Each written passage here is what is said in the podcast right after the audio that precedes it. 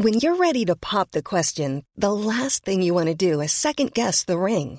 At Bluenile.com, you can design a one of a kind ring with the ease and convenience of shopping online. Choose your diamond and setting. When you find the one, you'll get it delivered right to your door. Go to Bluenile.com and use promo code LISTEN to get $50 off your purchase of $500 or more. That's code LISTEN at Bluenile.com for $50 off your purchase. Bluenile.com code LISTEN. Everyone knows therapy is great for solving problems, but getting therapy has its own problems too, like finding the right therapist, fitting into their schedule, and of course, the cost. Well, BetterHelp can solve those problems. It's totally online and built around your schedule. It's surprisingly affordable too. Connect with a credentialed therapist by phone, video, or online chat, all from the comfort of your home. Visit betterhelp.com to learn more and save 10% on your first month. That's BetterHelp H E L P. Hey, it's Paige DeSorbo from Giggly Squad. High quality fashion without the price tag? Say hello to Quince. I'm snagging high end essentials like cozy cashmere sweaters, sleek leather jackets, fine jewelry, and so much more. With Quince being 50 to 80% less than similar brands. And they partner with factories that prioritize safe, ethical, and responsible manufacturing. I love that. Luxury quality within reach. Go to quince.com slash style to get free shipping and 365 day returns on your next order. Quince.com slash style. This is Paige, the co-host of Giggly Squad, and I want to tell you about a company that I've been loving, Olive and June. Olive and June gives you everything that you need for a salon quality manicure in one box. And if you break it down, it really comes out to $2 a manicure, which is absolutely insane. It's also so easy to get salon worthy nails at home with Olive and June. The difference between how your nails used to look when you did them yourself and now with the Manny system is a complete game changer. The best thing about Olive and June too is it's a quick dry. Dries in about one minute, lasts for five days, and full coverage in up to one to two coats. Visit oliveandjune.com slash perfectmani20 for 20% off your first system. That's oliveandjune.com slash perfectmani20 for 20% off your first system. Vi är stolta att meddela att det här avsnittet är sponsrat av Valors, Bitcoin Zero och Ethereum Zero. Två produkter som ger exponering mot Bitcoin och Ethereum på ditt ISK med noll i avgifter. I'm amazed how many people own stocks. They, they would not be able to tell you why they own it. They couldn't say in a minute or less why they own it. Actually, you really press it down, they'd say the reason I own this is the sucker's going up. There's enough cash in the financial system, and there's an infinite amount of cash at the Federal Reserve. An infinite amount Put of cash. Put that check in a money market mutual fund. Then we'll reinvest the earnings into foreign currency accounts with compounding interest, and it's gone. So they had to do something. All they had left was just to print money and start buying things. And that's what they did. Quick buck artists come and go with every bull market, the steady players make it through the bear market. They say money can't buy happiness. Look at the fucking smile on my face.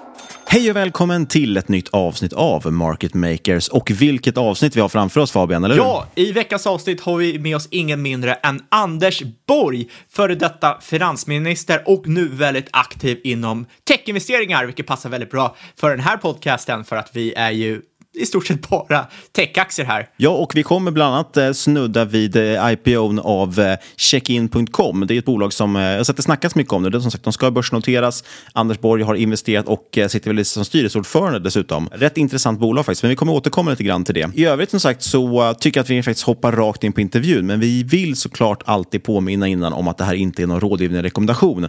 Vi berättar om vår process, hur vi tänker, gör alltid en egen analys och glöm aldrig att alla investeringar är förknippade med risk frisk.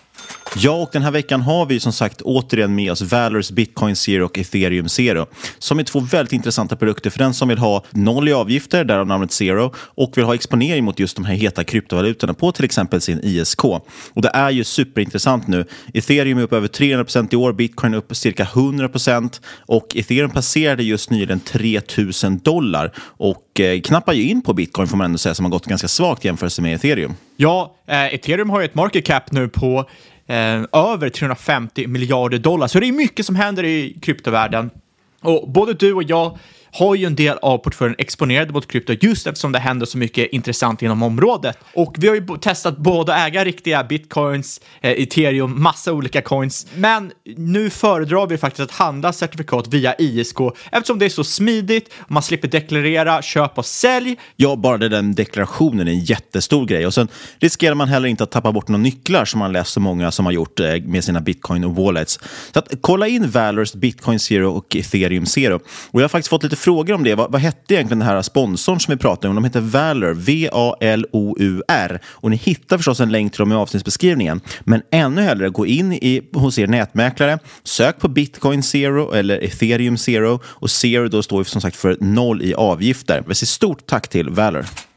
Den här veckan kan vi återigen presentera vår fantastiska sponsor Fidelity International, den internationella armen till den legendariska firman där vår favorit Peter Lynch spenderat majoriteten av sin karriär. Fidelity är en av världens största förvaltare med brett urval av fonder och man fokuserar på aktiv förvaltning inom både aktier och räntor. Det här rör sig alltså inte bara om amerikanska fonder, utan man har fonder som investerar på alla världens marknader där man satsar hårt på att ha lokal närvaro, från Chile till Sydney för att man får få en edge. Ja, man finns ju till och med i Sverige där man huserat i nästan 25 år. Och hela Fidelity Internationals utbud det hittar du förstås på deras hemsida fidelity.se eller på någon av de stora fondplattformarna och försäkringsbolagen. Så gå in på din bank idag och leta upp någon av Fidelitys många fonder. Och glöm inte bort att alla investeringar kan både gå upp och ner i värde. Så kolla in både prospekt och KID-dokumentet innan du investerar. Vi säger stort tack till Fidelity International. Då säger vi välkommen till podden Anders Borg och jag tror ju att de flesta av våra lyssnare känner igen dig men eh, jag tror framförallt man kanske känner igen dig som före detta finansminister och det vore jättekul att höra vad gör du just nu för någonting? Vad är du engagerad i? Jag har ju ett, ett antal eh, eh, hattar som jag brukar växla mellan. Jag eh, jobbar som rådgivare för ett antal större bolag, bland annat Kinnevik och eh, East Capital. Eh, jag sitter som styrelseordförande i checkin.com tillträder alldeles strax i, i Danads. Eh, jag sitter som ordförande i Selhall och jag har en egen portfölj av ett antal tech-startups som jag investerat i. Så det är, det, är, en blandning av makroekonomisk rådgivning, affärsrådgivning, styrelseuppdrag, investeringar och väldigt mycket affärer. Och de här bolagen du eh, rådger och sitter i styrelsen för, vilka liksom kvaliteter och vilken erfarenhet och kompetens eh, ser de i dig som du kan tillföra? Och hur har det kommit att bli så mycket tech? Alltså efter att jag slutade som finansminister så hade jag ju lite valet mellan att ägna mig åt den europeiska bankkrisen eller göra någonting helt annat. Och jag kände att jag var väldigt trött på kris ehm, och det här med finansiell instabilitet och sånt. Så att jag valde ju då att gå till Kinnevik och jobbade ju väldigt intensivt med deras eh, snabbväxande techbolag. Uh, och det ena ger ju det andra. Uh, det där var någonting som jag tyckte var kul att jobba med. Uh, det är ju fundamentalt så att tech handlar ju på något sätt i botten om matematik. Så, så är man matematiker förstår man ingenjörer och man förstår ungefär vad affärsidén går ut på. Och vad jag kan tillföra till dem är ju ofta ett strategiskt perspektiv. Hur skalar man ut ett bolag globalt? Vad finns det för risker för ett bolag och inte minst dess grundare när det gäller alla de här rundorna och transaktionerna som ska göras? Eh, och jag tror också att jag fungerar som rätt bra samtalspartner för dem i alla möjliga eh, besvärliga förhandlingar kring avtal med kunder och annat. Så jag tycker det är väldigt kul att jobba med någonting som växer. Jag har ju pratat om tillväxt, utveckling och företagsamhet hela mitt liv. Och då är det väldigt mycket roligare att vara med och göra det på riktigt än att sitta bara på en bank och vara rådgivare om makroekonomi eller valutakurser. Och du har ju väldigt stort intresse för framförallt onoterade fintechbolag. Och var kommer intresset för just fintech ifrån? Ja, alltså, jag började ju eh, på World Economic Forum med att eh, en av de grejer som jag gjorde där var ju att gå igenom, vi gick igenom alla fintechbolag i, i hela världen tillsammans med de fem, sex stora centralbankerna. Och det där stötte ju på ett oerhört motstånd från de stora bankerna som var med, HSBC, eh, eh JP Morgan, Barclays och andra. Eh, för det tyckte de inte alls var intressant. Det var inte det som var utmaningen för bankerna. Och för mig var det rätt uppenbart att teknologin förändrar hela banksektorn. Banker är i princip en struktur av kontrakt. Allting som en bank gör kan digitaliseras. Så att lite grann från den insikten så bestämde jag mig för att här har vi en sektor som har hög lönsamhet, eh, som omsätter mycket pengar och som är mogen för en teknologisk omvandling där de gamla strukturerna kommer ha väldigt svårt att hänga med. De är inte entreprenöriella. Eh, de sitter fast i system. Det används fortfarande COBOL som programmeringsspråk i, i, svenska banker. Så det, jag tror det är rätt uppenbart att de har en väldig utmaning och snabbfotade startups kan göra nytta där. Som du säger så har det varit väldigt trögrörligt med innovation i finansiella systemet. Vad tror du de största förändringarna framöver vi kommer se? Jag tror att eh, moderna människor kommer inte efterfråga en bank. Man, man, kommer spara i en app, man kommer ha bolån i en annan, man kommer finansiera sitt billån i en tredje.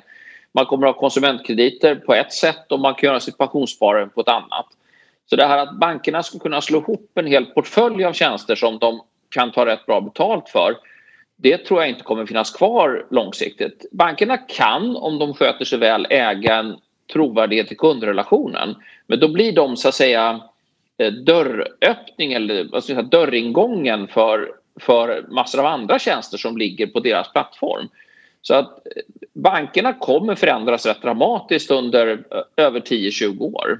Ska man se på storbankerna som investering då? Vad har de för plats i framtiden tror du? Ja, tittar man på världens 20 största banker så tror jag det är en eller två som har genererat aktieavkastning överhuvudtaget de sista fem åren. Så det är inte unikt för de svenska bankerna utan eh, Eh, till och med de stora amerikanska och nästan alla europeiska har ju faktiskt gått sidledes på börsen och de borde naturligtvis ha stigit. Och det återspeglar ju att de kommer tjäna mindre pengar på betalningar de kommer inte kunna ta samma avgifter på att förvalta människors sparande. Eh, de kommer inte kunna göra lika stora vinster på konsumentkrediter och marginalerna på bolån kommer krympa. Så att det, det, är en, det är samma sak vi såg med mediaindustrin för, för 10-20 år sedan. Att helt plötsligt ställdes de inför en ny teknologisk verklighet och då, då är det omvandling som gäller. Och det är svårt för gamla och konservativa institutioner. Du nämnde ju även eh, Tjeckien där som du är Eh, ordförande för och som nu ska börsnoteras. Skulle du kunna berätta lite om bolaget och framförallt varför du valt att engagera dig i bolaget?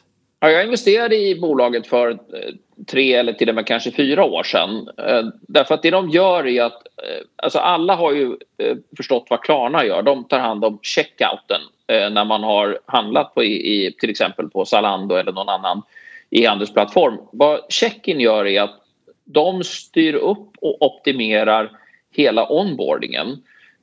Din identitet, hela registreringen och hela den processen. Och det låter ju, om man tar ett svenskt perspektiv så är det lite enklare för vi har ju då BankID. Men hela den här marknaden är ju totalt fragmenterad och, och vi har ju eh, kunder i, i hundratals länder eh, just därför att det är så komplicerat att, att få ordning på den här strukturen. Allmänt är det så du investerade i dem redan för tre fyra år sedan. Jag är jättenyfiken på att höra hur eh, investerar du privat? Hur tänker du kring den biten? Jag har ju lite olika eh, portföljer. Dels äger jag aktier eh, och då har jag ju en del som är mitt pensionssparande. Då, då äger jag ju traditionella breda svenska investmentbolag som jag tycker ger en bra riskspridning. Sen investerar jag mycket i tech. Eh, jag gillar ju de stora globala techbolagen, alltså bolag som kan växa med 20% i genomsnitt över fem år och ha en marginal på 20 eller 30% Så jag är sedan lång tid tillbaka investerad i, Amazon och Google, Adobe och ServiceNow och eh, Alibaba och, liknande. Eh, sen har jag naturligtvis en, eh, i mitt bolag också en, en mer startup-orienterad investeringsprofil och då har jag investerat i, i Checkin, Danads, Lendify, Steven, Lysa och ett antal andra bolag. Och, det gör jag ju delvis därför att jag tycker också det är väldigt roligt att jobba med entreprenörer som vill vara snabbväxare, som vill förändra en bransch och som vill vara entreprenörer på riktigt. Och jag kan ge dem en del stöd och eh, en, en del backup. Och eh, det tycker jag är... Ja, det, jag känner både är roligt och viktigt. Och sen förhoppningsvis också gör man bra investeringar. De här noterade aktierna och just framförallt teknikbolagen där. Hur skulle du säga att din resa som investerare har sett ut kanske de senaste 10-20 åren? Hur, har det svängt mycket? Är techdelen ett, ett nyfunnet intresse? När jag var finansminister så ägde jag bara Avanza Zero därför att jag tyckte inte att jag skulle äga enskilda aktier. Så jag eh, var mycket försiktig i min profil helt enkelt därför att jag, jag tycker inte man som finansminister ska eller när man är finansminister bör man vara mycket försiktig åtminstone att vara ägare i enskilda bolag. Så, så resonerade jag. Men eh, det är klart att jag älskar ju tech. Det är ju, tycker jag, den mest spännande och roligaste branschen. Det är ju så att säga matematik som blir bolag som blir kundtjänster som förändrar, driver utveckling eh, på ett sätt som jag tycker är väldigt spännande. Plus att om man jämför dem med traditionella industribolag så har man ju ofta marginaler i till exempel ett SAS-bolag på 60-70 procent. Om man sen samtidigt har eh, en kundtillväxt på 20 procent och nästan ingen körn. Ja, det är klart att det, det finns möjligheter att, att skala ut bolag på ett sätt på, som vi aldrig upplevt historiskt. Det behövs inte bygga stora anläggningar eller eh, Eh, smältverk eller produktionslinjer eller vad det nu är utan eh, ingenjörskonst blir produkter som kan skalas ut i, eh, ja, i exponentiellt tempo. Ja, när man har den här skalningsförmågan så har man en tendens att liksom monopolisera sitt område. Det ser du ju på Amazon och Google och liknande. Och det har varit mycket snack kring att man ska reglera de här typen av företag. Hur ser du på regleringsrisk inom eh, techområdet och hur kan det stoppa eh, techbolagens framfart? Jag tror att det, det kommer. Eh, det är ju helt uppenbart att det finns en politisk vilja för det. Eh, jag delar inte den bedömningen som ligger bakom det. Det faktum att de här bolagen har väldigt låga kostnader för att ta ombord nya kunder och tillhandahålla tjänster som faktiskt blir bättre om fler använder dem. Det är ju det som är den fundamentala ekonomiska logiken. Att Google och Amazon har kunnat växa snabbt de senaste åren är därför att vi har fått molntjänsterna. Det är klart att det är bra för samhället att alla bolag från småbolag till storbolag får en närmast obegränsad kapacitet till, till att använda data det, det, är ju den största revolutionen av hur vi sköter bolag som åtminstone under de kanske två, tre senaste decennierna. Eh, och det är ändå så att när jag har min, hela min lagring i Adobes eh, cloud så kostar det mitt bolag 153 eller 154 kronor i månaden. Så att det är inte så att det är en stor kostnad för mig eh, som företagare. Så att eh, vinsterna där för, för kunderna är ju väldigt starka. Så jag är, jag är lite skeptisk till den här regleringsivern. Och, eh, särskilt om man tittar på det europeiska perspektivet. Alltså Europa har ju inga techbolag. Vi har vad heter de, ASML, det holländska bolaget, det är väl det enda europeiska bolaget vid sidan av SAP som är med på eh, listan över de 20 största techbolagen i världen. Så att Europa behöver inte regleringar. Vi behöver ett mycket bättre VC-klimat som gör att vi kan på allvar konkurrera med Eh, Eh, Google och, Amazon. Det vore mycket klokare om EU-kommissionen sa att vi, vi tycker ni ska få verksa, verksamma här men vi kräver att ni återinvesterar i startups. Vi kräver att ni bygger och programmerar i Europa, att ni utvecklar tjänster här snarare än att man, man ger sig på dem med skatter och regleringar. Vi har ju, som du säger, Europa ligger ju väldigt långt efter USA där, men vi har ju annars än Sverige ett ganska bra klimat.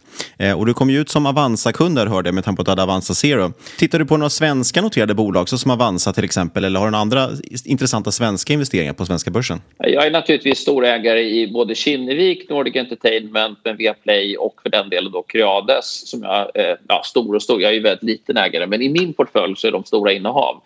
Jag tycker det Kinnevik har gjort med att eh, helt enkelt bli en europeisk plattform för, för teknologi är, är oerhört fascinerande och, och, väldigt, väldigt bra gjort av dem. Det är klart att Zalando är det mest eh, kända men i den portföljen finns det ju allt ifrån Livongo till Babylon till Mathem och Colonial Eh, så att eh, jag tror ju på tech. Jag tycker det är väldigt kul att, att Sverige och Stockholm är en sån otrolig hubb för detta. Hur, hur skiljer det sig eh, i din strategi beroende på om ett bolag är noterat eller onoterat? Hur, hur skiljer sig tankesätten där om du vill köpa in ett bolag? Ja, till att börja med så vill jag att ett noterat bolag har etablerad och hög lönsamhet. Alltså, mm. jag är lite som Warren Buffett i mitt sätt att tänka kring bolag. Vi, vi värderar framtida vinster. Eh, jag vill att det ska vara höga ebit-marginaler. Jag vill att gärna också ha underliggande eh, tillväxt. Eh, onoterade bolag är ofta i en tillväxtfas och en uppbyggnadsfas. Jag har ju gått in tidigt i, i de startups som jag har varit med i. Jag var, tror jag, kanske inte i första rundan, men andra eller tredje rundan både på Danads och, och, och Checkin. Uh, det är klart att då tjänar de ju inte pengar utan då försöker man bedöma grundarna, man försöker förstå den grundläggande teknologiska plattformen, man försöker förstå vilken marknad de adresserar och så försöker man sig göra en bild av vad affärsplanen är framåt. Så att eh, noterade bolag tycker jag ska ha eh, bra lönsamhet, eh, onoterade bolag och eh, eh tillväxtbolag, där kan man ju leva med att det är... jag tycker jag lärde mig mycket av, av Kinneviks resa i Zalando. Eh, Kinnevik var ju investerare när Zalando var olönsamt under åtta år. Uh, sen har man ju liksom på något sätt kunnat reglera lönsamhet mot tillväxt i den, i den noterade miljön. Du pratade mycket om just uh, fundamentala bitar ändå med, med ebit-marginaler och tillväxt och så vidare. Uh, men hur mycket vikt lägger vid värderingar? Hur mycket jobbar du med det och på vilket sätt? Jag tror ju att det är tillväxt, marginaler som avgör. Man ska kunna leverera en hög eh, avkastning på investerat kapital och man ska helst kunna investerar rätt mycket i sin sektor för att skapa aktieägarvärde. Eh, de, de startupbolag som jag går in i har ju nästan alltid en kundtillväxt och eh, intäktstillväxt på 100 eller nära 100 procent. Då tycker jag man kan leva med att de, de inte kanske är, är, lönsamma därför att man måste få växa ut. Ehm, men då, är man ju i, då, då, tycker jag man måste skilja på stora etablerade bolag och tillväxtbolag. Och jag förstår ju att risken i i, i tillväxtbolag, eh, särskilt när de är onoterade, är, är högre. Men också potentialen är ju enorm. Vad, vad, får, vad skulle få dig att vilja dra dig ur ett bolag? Om jag inte känner att jag kan ha stort förtroende för grundarna. Uh, om jag skulle känna att teknologin har brister som gör att vi faktiskt inte levererar till våra kunder. Ehm, om jag tror att ehm, framtidsutsikterna är, är betydligt svagare än vad jag har trott. Men hittills har jag faktiskt inte hamnat i den sitsen. Jag har haft eh, förmånen att faktiskt eh, vara med i bolag som varit, haft turen att, att vara hyggligt framgångsrika. Och du nämnde ju också Alibaba där, ehm, ett kinesiskt bolag. Är du intresserad av Kina och andra typer av emerging markets eller olika marknader? Och vilka marknader tycker du då är mest intressant? Man ska ju komma ihåg att både Kina och Ryssland har ju totalt transformerats de sista tio åren. Eh, den kinesiska eh, A-share är ju idag 65% tech och då kan man väl säga att de två stora polerna är mer, om jag får säga så, traditionella techbolag som Alibaba, och Tencent. Men sen har man också ett, ett antal rätt fantastiska bolag i eh, förnybara energispacet. Eh, batterier, elbilar, Eh, Eh, där man faktiskt har multiplar som ungefär för svenska industribolag men tillväxtsiffror ungefär som ett techbolag.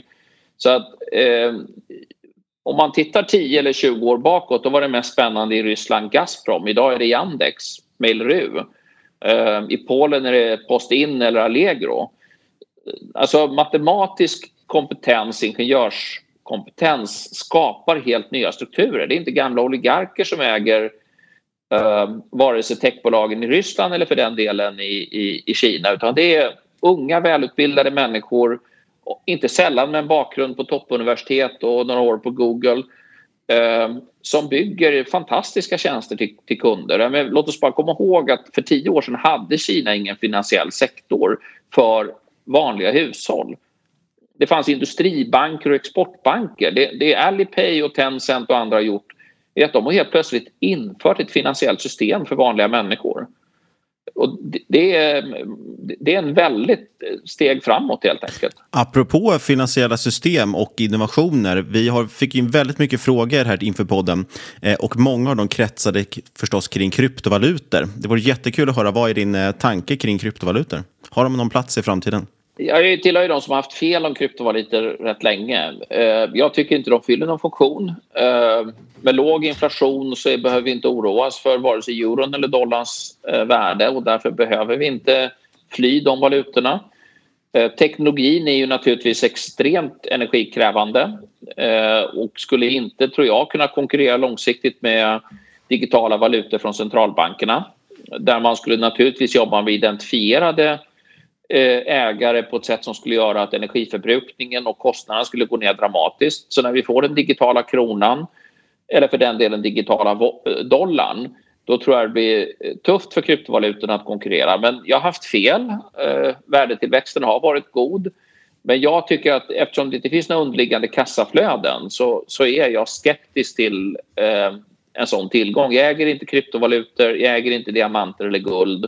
Eh, jag vill ha en idé om tillväxt och en idé om kassaflöden och lönsamhet långsiktigt. Har du tittat på några svenska kryptobolag då kanske? Nej, jag faktiskt inte... Jag, nej, jag, jag satte mig in i kryptovalutorna ordentligt för, kan det varit en sju, åtta år sedan och bestämde mig för att jag inte trodde på dem. Eh, det var ingen bra investeringsslutsats men eh, det återstår att se vem till slut som får rätt om detta. Och jag tror framför allt när eh, den digitala dollarn, digitala euron och den digitala kronan kommer, då, då har jag väldigt svårt att se vad, vad värdet av de här strukturerna är. Du nämnde ju också att eh, vi har låg inflation. Eh, och tittar man på KPI såklart så har vi det. Eh, samtidigt så ser vi mycket varnande tecken på att vi har, ja, men till exempel träpriserna har varit helt skenande just nu och framförallt har vi en stor tillgångsinflation. Hur är din syn, syn på, på inflationen? Är det någonting man, man ska oroa sig för? Alltså, det är väl det viktigaste orosmomentet. Som det nu ser ut så är vi på väg mot den starkaste globala tillväxten på kanske 30 år. Ehm, USA kanske kommer upp på tillväxttal i slutet av det här året på 10 uh, ehm, i årstakt. Ehm, det, det, är klart att i den miljön så tror Fed och andra att vi ska ha en inflation på 2,5-3% Det vore ju helt fantastiskt om arbetslösheten kan komma ner till 4% och vi inte får något pristryck. Det är huvudscenariot. Men om det är huvudscenariot så är det klart att risken är att också räntorna ska återställas. Eh, och det som kommer utlösa det är om vi ser riktig inflation på arbetsmarknaden. Så det, jag, jag skulle säga att det, det viktigaste riskscenariot just nu är högre inflation. Är du på den linjen då att man kommer att ha tillfälligt högre inflation just på grund av den här återhämtningen? Eller tror du på en långvarig till, eh, hög inflation på grund av eh, de stora stimulanserna som gjorts?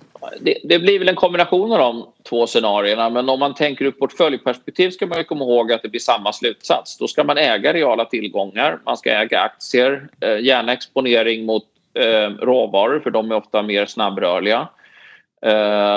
Så att portföljmässigt så talar ju det för att, att börsen kan faktiskt fortsätta att stiga en del.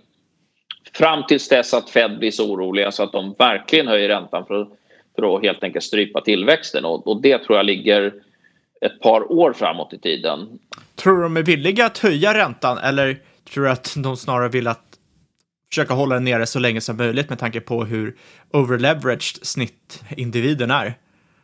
Tar vi börsperspektivet så är ju räntor och börs normalt sett positivt korrelerade. Stiger räntorna därför att tillväxten är stark, då stiger också börsen. Därför att i en sån miljö levererar bolagen bra vinster och då med ändå hyggligt långsiktigt låga diskonteringsräntor så är det bra att äga aktier.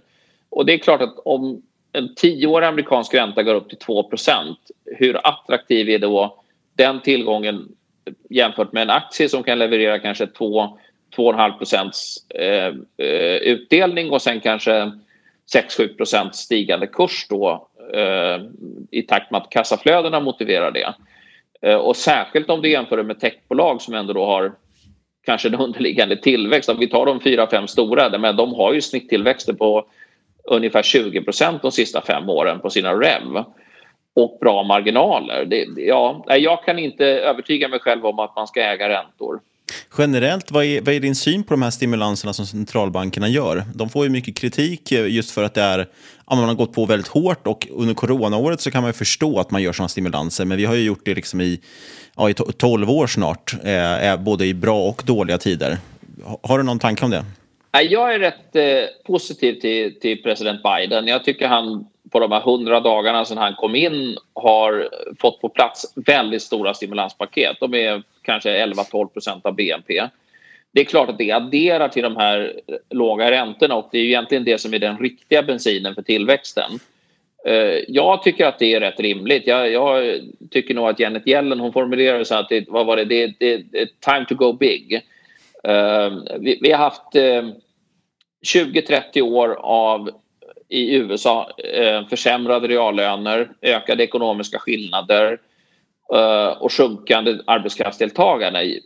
Jag tycker nog att vi har råd att ta risken för att inflationen blir 3 eller 3,5 om det betyder att arbetslösheten och reallönerna faktiskt stiger. Och alla vi som jobbar i techsektorn har ju sagt till varandra att nu har vi fått fem års teknologisk utveckling på ett år eller sju års teknologisk utveckling på, på ett år det måste ju betyda att produktiviteten stiger. Och om produktiviteten stiger så blir det ju väldigt svårt att se att vi får någon allvarlig inflation. Så jag tycker nog att centralbankerna har gjort rätt. Eh, det fanns inget alternativ. Och jag tycker det är bra att Biden har använt sina finanspolitiska muskler. Och jag måste säga, givet hur många gånger Trump kallade honom för Sleepy Joe så vill jag nog säga att jag tycker det är rätt imponerande att nu ha eh, levererat två paket och vara på väg till ett tredje paket och vi är ännu inte framme på hans första halvår. Om, om, om du inte ser räntorna som en risk för aktiemarknaden, ser du då några andra risker för aktiemarknaden? Ja, om jag nu hyllade Biden så vill jag säga att jag tycker han utgör en risk. Eh, den här dramatiska höjningen av kapitalinkomstbeskattningen från 20 till 40 procent, den är besvärlig. Nu återstår att se hur förslagen ser ut, men skulle det verkligen betyda att man, man höjer kapitalinkomstbeskattning till 40 procent, då tror jag det slår undan benen för väldigt mycket av VC-sektorn då tror jag det blir jättesvårt att få tag i riskkapital i, i USA. Eh, alltså Jimmy Carter och Ronald Reagan tog ner de här skatterna. Därmed skapade de förutsättningarna för alla de här bolagen som Google och Amazon och, och Apple. Eh, så det skulle bekymra mig. Eh, nu, är, nu kan det mycket väl bli så att det blir kompromisser i senaten och så kanske man behåller rätt mycket av undantagen för VC-sektorn. Och då tror jag inte det gör så mycket att man höjer skatten. Men det tycker jag är ett orosmoment. Alltså det här dynamiska entreprenörsklimatet eh, vi har det förutsätter att, att sådana som Niklas Enström och Daniel Ek och Martin Lorentzon återinvesterar sina pengar de har tjänat i nya startups. Inte att de flyttar till Schweiz för att undkomma beskattning utan att de istället är med i den här ekologin. Och jag kan ju säga att i, i de startups jag är med i så är det nästan alltid folk som kommer ifrån Klarna, Spotify, iSettle eller någon av de här andra eh, snabbväxarna som, som återinvesterar eller är med i, i styrelser och, och som ägare. Eh, det där skulle jag säga att jag är... Eh, skulle man på allvar försämra det i USA, då är det besvärligt. Tror du att det här kan sprida sig till andra delar av världen också, om det skulle gå igenom i USA? Jag har svårt att tro att det sprider sig till Europa för vårt entreprenörsklimat är redan så dåligt. Eh, alltså, i, om man tittar på startupbolagen i lite bred mening så motsvarar de idag 30% av USAs BNP. I, I, Tyskland är det 2 eh, Alltså vi, vi har, alltså, vad, vad, har, vad har Europa att komma med? Eh, vi kan nämna Spotify, Izettle och Klarna. Vad, tyskarna har Zalando. Men i bred text så kan de komma och nämna S, S, SAP. Eh, det är alltså ett 50 år gammalt bolag. Eh, Europa har nästan ingen AI om man undantar Storbritannien och de har ju lämnat EU. Eh, deep tech på, på chipsidan och, och, och semiconductors är ju helt dominerat av, av, Nvidia och AMD och till och med Intel. ARM är väldigt duktiga men de blir nu uppköpta av Nvidia. Ehm, så jag är väldigt orolig för att Europas ehm, VC-klimat är för dåligt. Det är bra i Norden, det är bra i Nederländerna, eh, det är bra i Storbritannien men Italien, Spanien och stora delar av Europa i övrigt är ju väldigt konservativt och tillbakablickande.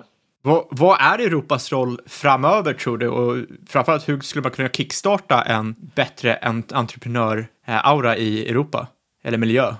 Ja, det, jag tror att det är många saker. Vi, vi, måste utbilda mycket mer ingenjörer. Vi måste utbilda fler matematiker. Eh, vi måste ha en kultur där entreprenörskap eh, uppmuntras och belönas. Vi måste ha ett skatteklimat som gör att de som lyckas inte köper fastigheter eller flyttar till, till Liechtenstein utan återinvesterar i nya startupbolag. Jag tycker vi har det i Sverige. Eh, många av våra eh, starkaste bolag har ju familjeägare de familjerna har skapat sina bolag under den här generationen och de återinvesterar nu i, i nya. Ja, men det, det är bara att titta på ägarlistan. Carl-Johan Persson är med i massor av olika eh, eh projekt. Kristina Stenbeck är med och investerar och, och naturligtvis Daniel Ek och, och, och, och Jakob De Geer. Det är en tillgång. Ägare av kött och blod som vill vara i landet och vill ta risk med sina pengar. Det är, det, det, det är ditåt vi måste gå. Och var, varför har vi inte gått dit som kontinent, utan varför är det liksom bara så kanske i Sverige och inte i resten av Europa? Ja, det är lite tragiskt. Tittar man på förmögenheterna i Europa så återinvesteras ju de mest i fastigheter. Jag tror kineserna eh, återinvesterar 75 procent av förmögenheterna i startupbolag. Och tittar man på amerikanska miljardärer så är det lite lägre, men i Europa är det nästan ingenting. Vi, vi har inte riskviljan, vi har inte Eh, Eh, den här lusten att skapa och bygga. Och ja, det är massor av saker. Brist på ingenjörer, överreglerad eh, eh tekniksektor, eh, väldigt traditionellt sätt att spara i Europa. Eh, tyskarna har 40% av sitt sparande i kontanter. Eh, de äger i väldigt liten utsträckning aktier. Vi har ju en aktiekultur i Sverige som är, och i Norden som är helt unik. Det är ju bara i Storbritannien och USA man har den här kulturen att vanliga människor äger aktier. Så att jag är väldigt optimistisk om Sverige om, om man nu inte försämrar den här kulturen. Men jag måste säga att det, det är svårt att se hur Europa riktigt ska... Jag, jag tror Sverige kommer få alliera sig med de här eh, med London, Amsterdam, Berlin och utgöra en egen dynamisk hubb. Och sen har vi naturligtvis stöd, men nästan alla startups som jag jobbar med har ju sina programmerare i Ukraina, Polen, Tjeckien, Slovakien. Och jag menar, titta på polska börsen. Eh, de har, de har IPOat flest spelbolag förra året av alla börser i världen. Och Allegro eh, eh var ju helt fantastisk. Så att mer optimistisk om Öst och Centraleuropa, rätt pessimistisk om Europa som helhet.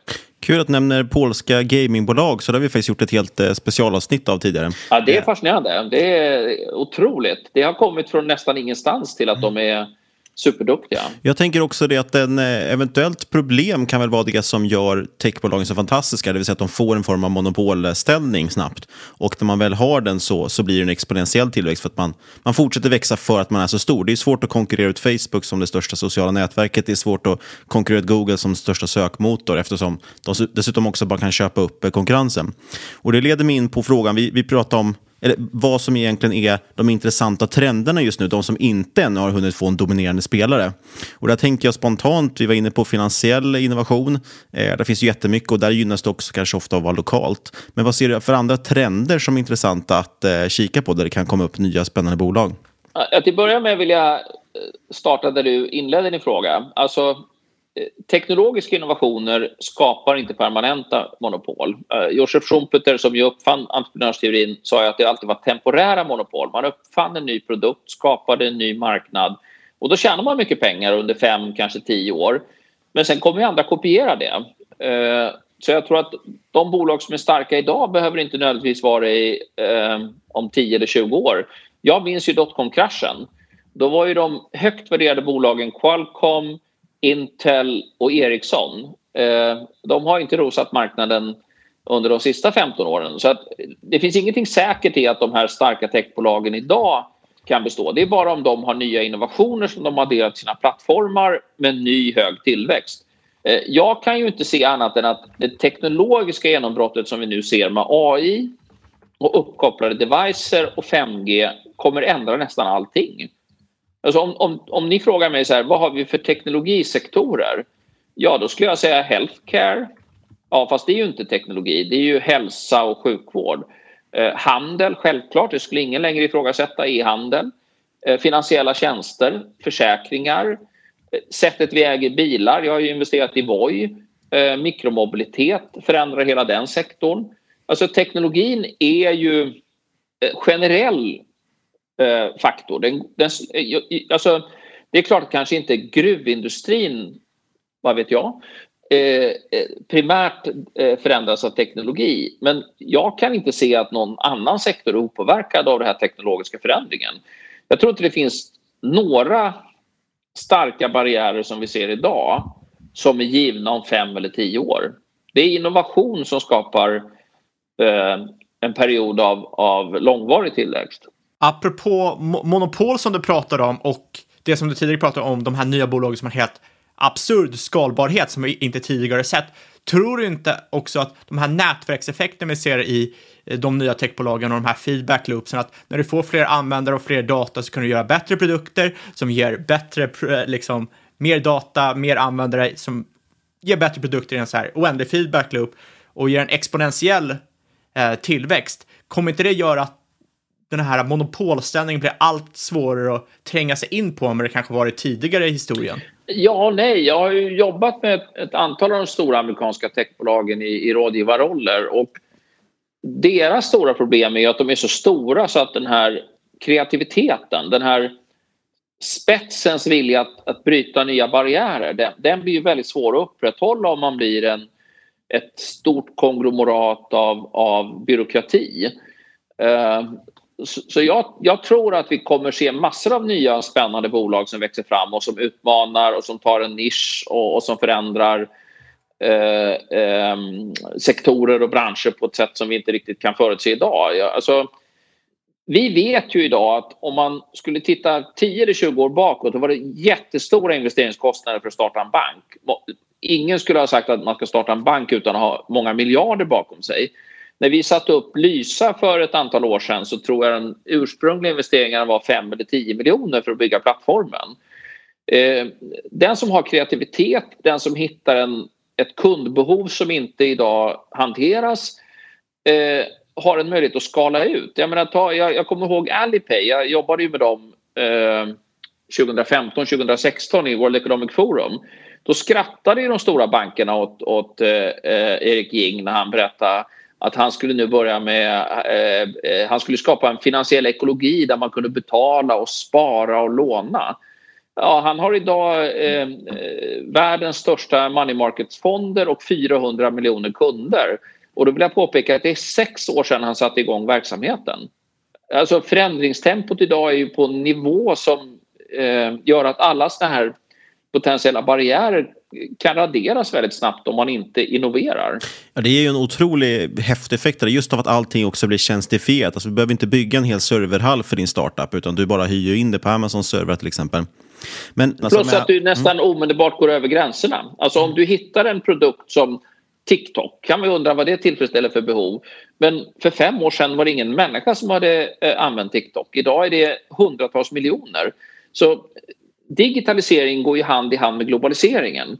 Du kan helt plötsligt skala ut till kunder på en global nivå som var helt otänkbart för du behöver inte bygga upp en återförsäljarorganisation, eh, förhandla fram licenser, börja producera, bygga fabriker, hyra eh, stora fartyg för att eh, transportera containrar utan du kan skala ut digitalt. Det som är så svårt här kan jag tycka som, som investerare. Det är väl dock att som sagt, man ser ju under den här monopolställningen, till exempel Google, som är ett solklart eh, exempel på just, det går ju inte att, att hitta ett alternativ till den sökmotorn som är, som är liksom ett reellt hot. Så det är lätt att intala sig att det här kommer pågå för evigt, men vi vet ju av historiska exempel, dotcom-bubblan eller Nifty 50 är väl ett klockrent exempel på det också, att även de mest ofelbara investeringarna kommer ju någon gång inte vara så bra investering. Så min fråga är egentligen, liksom, är det annorlunda den här gången, eller eh, vad, vad, tror du om, om eh, är det liksom ansträngda värderingar också? Kommer vi få någon ny form av dotcom-bubbla?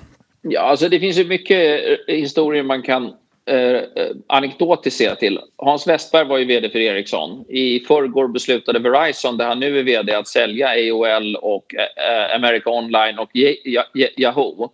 Eh, två av ikonerna från 90-talet. Eh, och nu beskrivs det som att Verizon rensar ut eh, problemen ur sin portfölj. America Online trodde man ju skulle bli totalt marknadsdominerande. Eh, det var ju det som, ja, You Got Mail kommer vi kanske ihåg från, från filmer och sådär.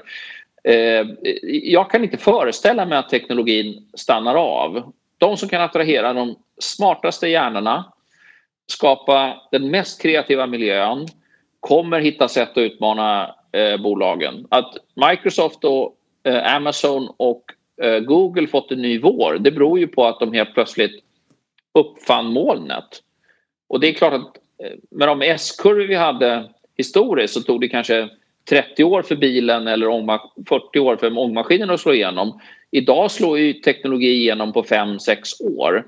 Så alla går till cloud nu. Men det garanterar ju inte Googles tillväxt eh, bortom 2025 eller 2026.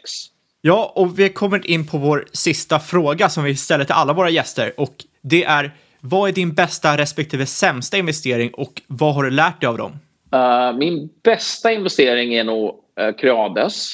Uh, det är den jag har haft högst avkastning på. Uh, delvis därför att jag tror mycket på Sven Hagström. Uh, stort förtroende för honom. Dels för att jag trodde att man skulle göra av med Lindab som jag inte tyckte hade i portföljen att göra. Men jag hade inte föreställt mig att Avanza skulle bli en sån, ha ett sån fantastiskt segertåg som det haft under under senare år. Ja, mina sämsta investeringar är tyvärr ett par bolag i min portfölj där jag investerade för att jag tyckte jag skulle ha lite trygghet och lite stabilitet. Eh, jag har till exempel inte haft någon jättebra avkastning på mina investeringar i Indutrade och, och Lundbergs. Eh, det trodde jag skulle vara de som man så att säga, kunde se som, som stabila eh, hörnposter i en portfölj. Det, har, det har inte fungerat för mig utan jag har tjänat pengar eh, på techinvesteringar och eh, ja, men jag, jag, tog ett bett på Nvidia här i, i, för några år sedan och ja, det har ju blivit fantastiskt. Eh, hade man tittat på P talen så hade man väl eh, kanske liksom skyggat undan för den. Men det är klart man, man blir kanske blind av, av det när man har haft framgång men jag har en balanserad portfölj så jag äger också fortfarande Lundbergs och, och, och, och svenska banker och Investor och Industrivärden och allt det här. Men eh, om, om, frågan är vad som har varit framgångsrikt så skulle jag säga Krades och, och, om frågan är vad som inte har fungerat i min portfölj så får man säga tyvärr att det är då Lundbergs. Så summeringen där är alltså att tillväxt har varit bra, likt för många länder, och stabilitet och liksom när man stannar in, det har varit lite sämre. Ja, det, det, eh, ja, det, alltså, det, förändring är det enda eviga. Mm. Det glädjer mig i alla fall att höra att du har en liten, liten kryptoexponering också via Nvidia och deras GPUer. och eh, jag ska väl säga att i mitt fall är det mer ett AI-bet. För jag vet ju att när vi eh, när jag jobbade Microsoft och vi byggde mer avancerade AI-lösningar så var ju ingenjörerna stenhårda på till kunderna att de skulle ha Nvidias produkter. Och när jag hade hört det på två eller tre genomgångar så undrar jag lite grann men varför måste vi ha just Nvidia? Det har väl inte ni med att göra vad kunden har för, för GPUer? Och då förklarade de helt enkelt att nej, det går inte att bygga avancerad AI om man inte har eh, Nvidia. Uh, och då tänkte jag det där bolaget kanske man ska fundera lite på för det här med AI tror jag faktiskt kommer. Säg stort tack Anders för att du tog till tid. Tack, tack så mycket. Oj, oj, oj, vilken intervju! Sjukt spännande att höra vad Anders tycker om tech, hur han ser på den regleringar och makrotrender i, i världen. Och i, i stort sett hela intervjun tyckte jag var guld. Ja, verkligen. Nu ska jag inte kasta någon skugga över tidigare gäster, men jag måste nog säga att Anders är nog kanske högst upp här när det gäller folk med eh, omvärldsbevakning, eller vad säger man? Alltså, han har ju ett extremt brett helikopterperspektiv över nästan hela världen och väldigt många sektorer. Jätte, jätteimponerande och kul.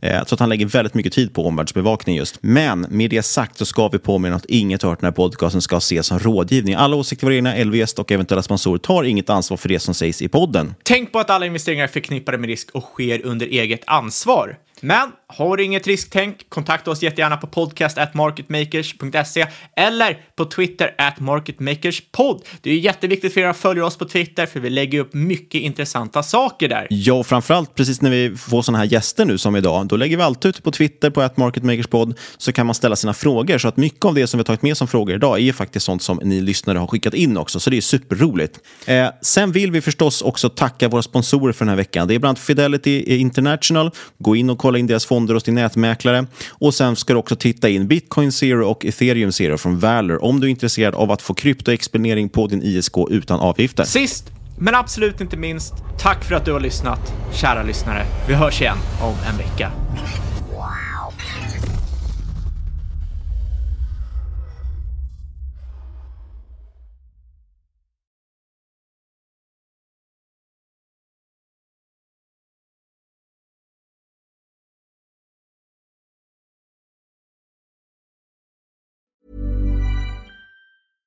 Selling a little or a lot? Shopify helps you do your thing however you cha-ching. Shopify is the global commerce platform that helps you sell at every stage of your business. From the launch your online shop stage to the first real life store stage, all the way to the did we just hit a million orders stage. Shopify is there to help you grow. Shopify helps you turn browsers into buyers with the internet's best converting checkout. 36% better on average compared to other leading commerce platforms because businesses that grow grow with Shopify. Get a $1 per month trial period at shopify.com/work. shopify.com/work. Millions of people have lost weight with personalized plans from Noom, like Evan, who can't stand salads and still lost 50 pounds. Salads generally for most people are the easy button, right? For me, that wasn't an option. I never really was a salad guy. That's just not who I am. But Noom worked for me. Get your personalized plan today at Noom.com. Real Noom user compensated to provide their story. In four weeks, the typical Noom user can expect to lose one to two pounds per week. Individual results may vary. A lot can happen in the next three years. Like a chatbot may be your new best friend. But what won't change? Needing health insurance. United Healthcare Tri Term Medical Plans are available for these changing times. Underwritten by Golden Rule Insurance Company, they offer budget friendly, flexible coverage for people who are in between jobs or missed open enrollment. The plans last nearly three years in some states, with access to a nationwide network of doctors and hospitals. So, for whatever tomorrow brings, United Healthcare Tri Term Medical Plans may be for you. Learn more at uh1.com. I'm Sandra, and I'm just the professional your small business was looking for. But you didn't hire me because you didn't use LinkedIn jobs. LinkedIn has professionals you can't find anywhere else, including those who aren't actively looking for a new job but might be open to the perfect role, like me. In a given month, over 70% of LinkedIn users don't visit other leading job sites. So if you're not looking on LinkedIn, you'll miss out on great candidates like Sandra. Start hiring professionals like a professional. Post your free job on linkedin.com/people today. Everyone knows therapy is great for solving problems, but getting therapy has its own problems too, like finding the right therapist, fitting into their schedule, and of course, the cost. Well, BetterHelp can solve those problems.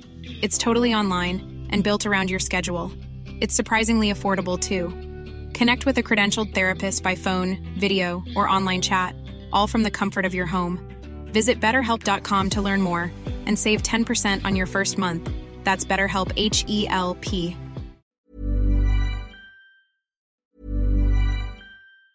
Planning for your next trip? Elevate your travel style with Quince. Quince has all the jet setting essentials you'll want for your next getaway, like European linen, premium luggage options, buttery soft Italian leather bags, and so much more. And it's all priced at 50 to 80% less than similar brands. Plus, Quince only works with factories that use safe and ethical manufacturing practices. Pack your bags with high-quality essentials you'll be wearing for vacations to come with Quince. Go to quince.com slash trip for free shipping and 365-day returns. Mom deserves the best, and there's no better place to shop for Mother's Day than Whole Foods Market. They're your destination for unbeatable savings, from premium gifts to show-stopping flowers and irresistible desserts. Start by saving 33% with Prime on all body care and candles. Then get a 15-stem bunch of tulips for just $9.99 each with Prime. Round out Mom's menu with festive rosé, irresistible berry chantilly cake, and more special treats. Come celebrate Mother's Day at Whole Foods Market.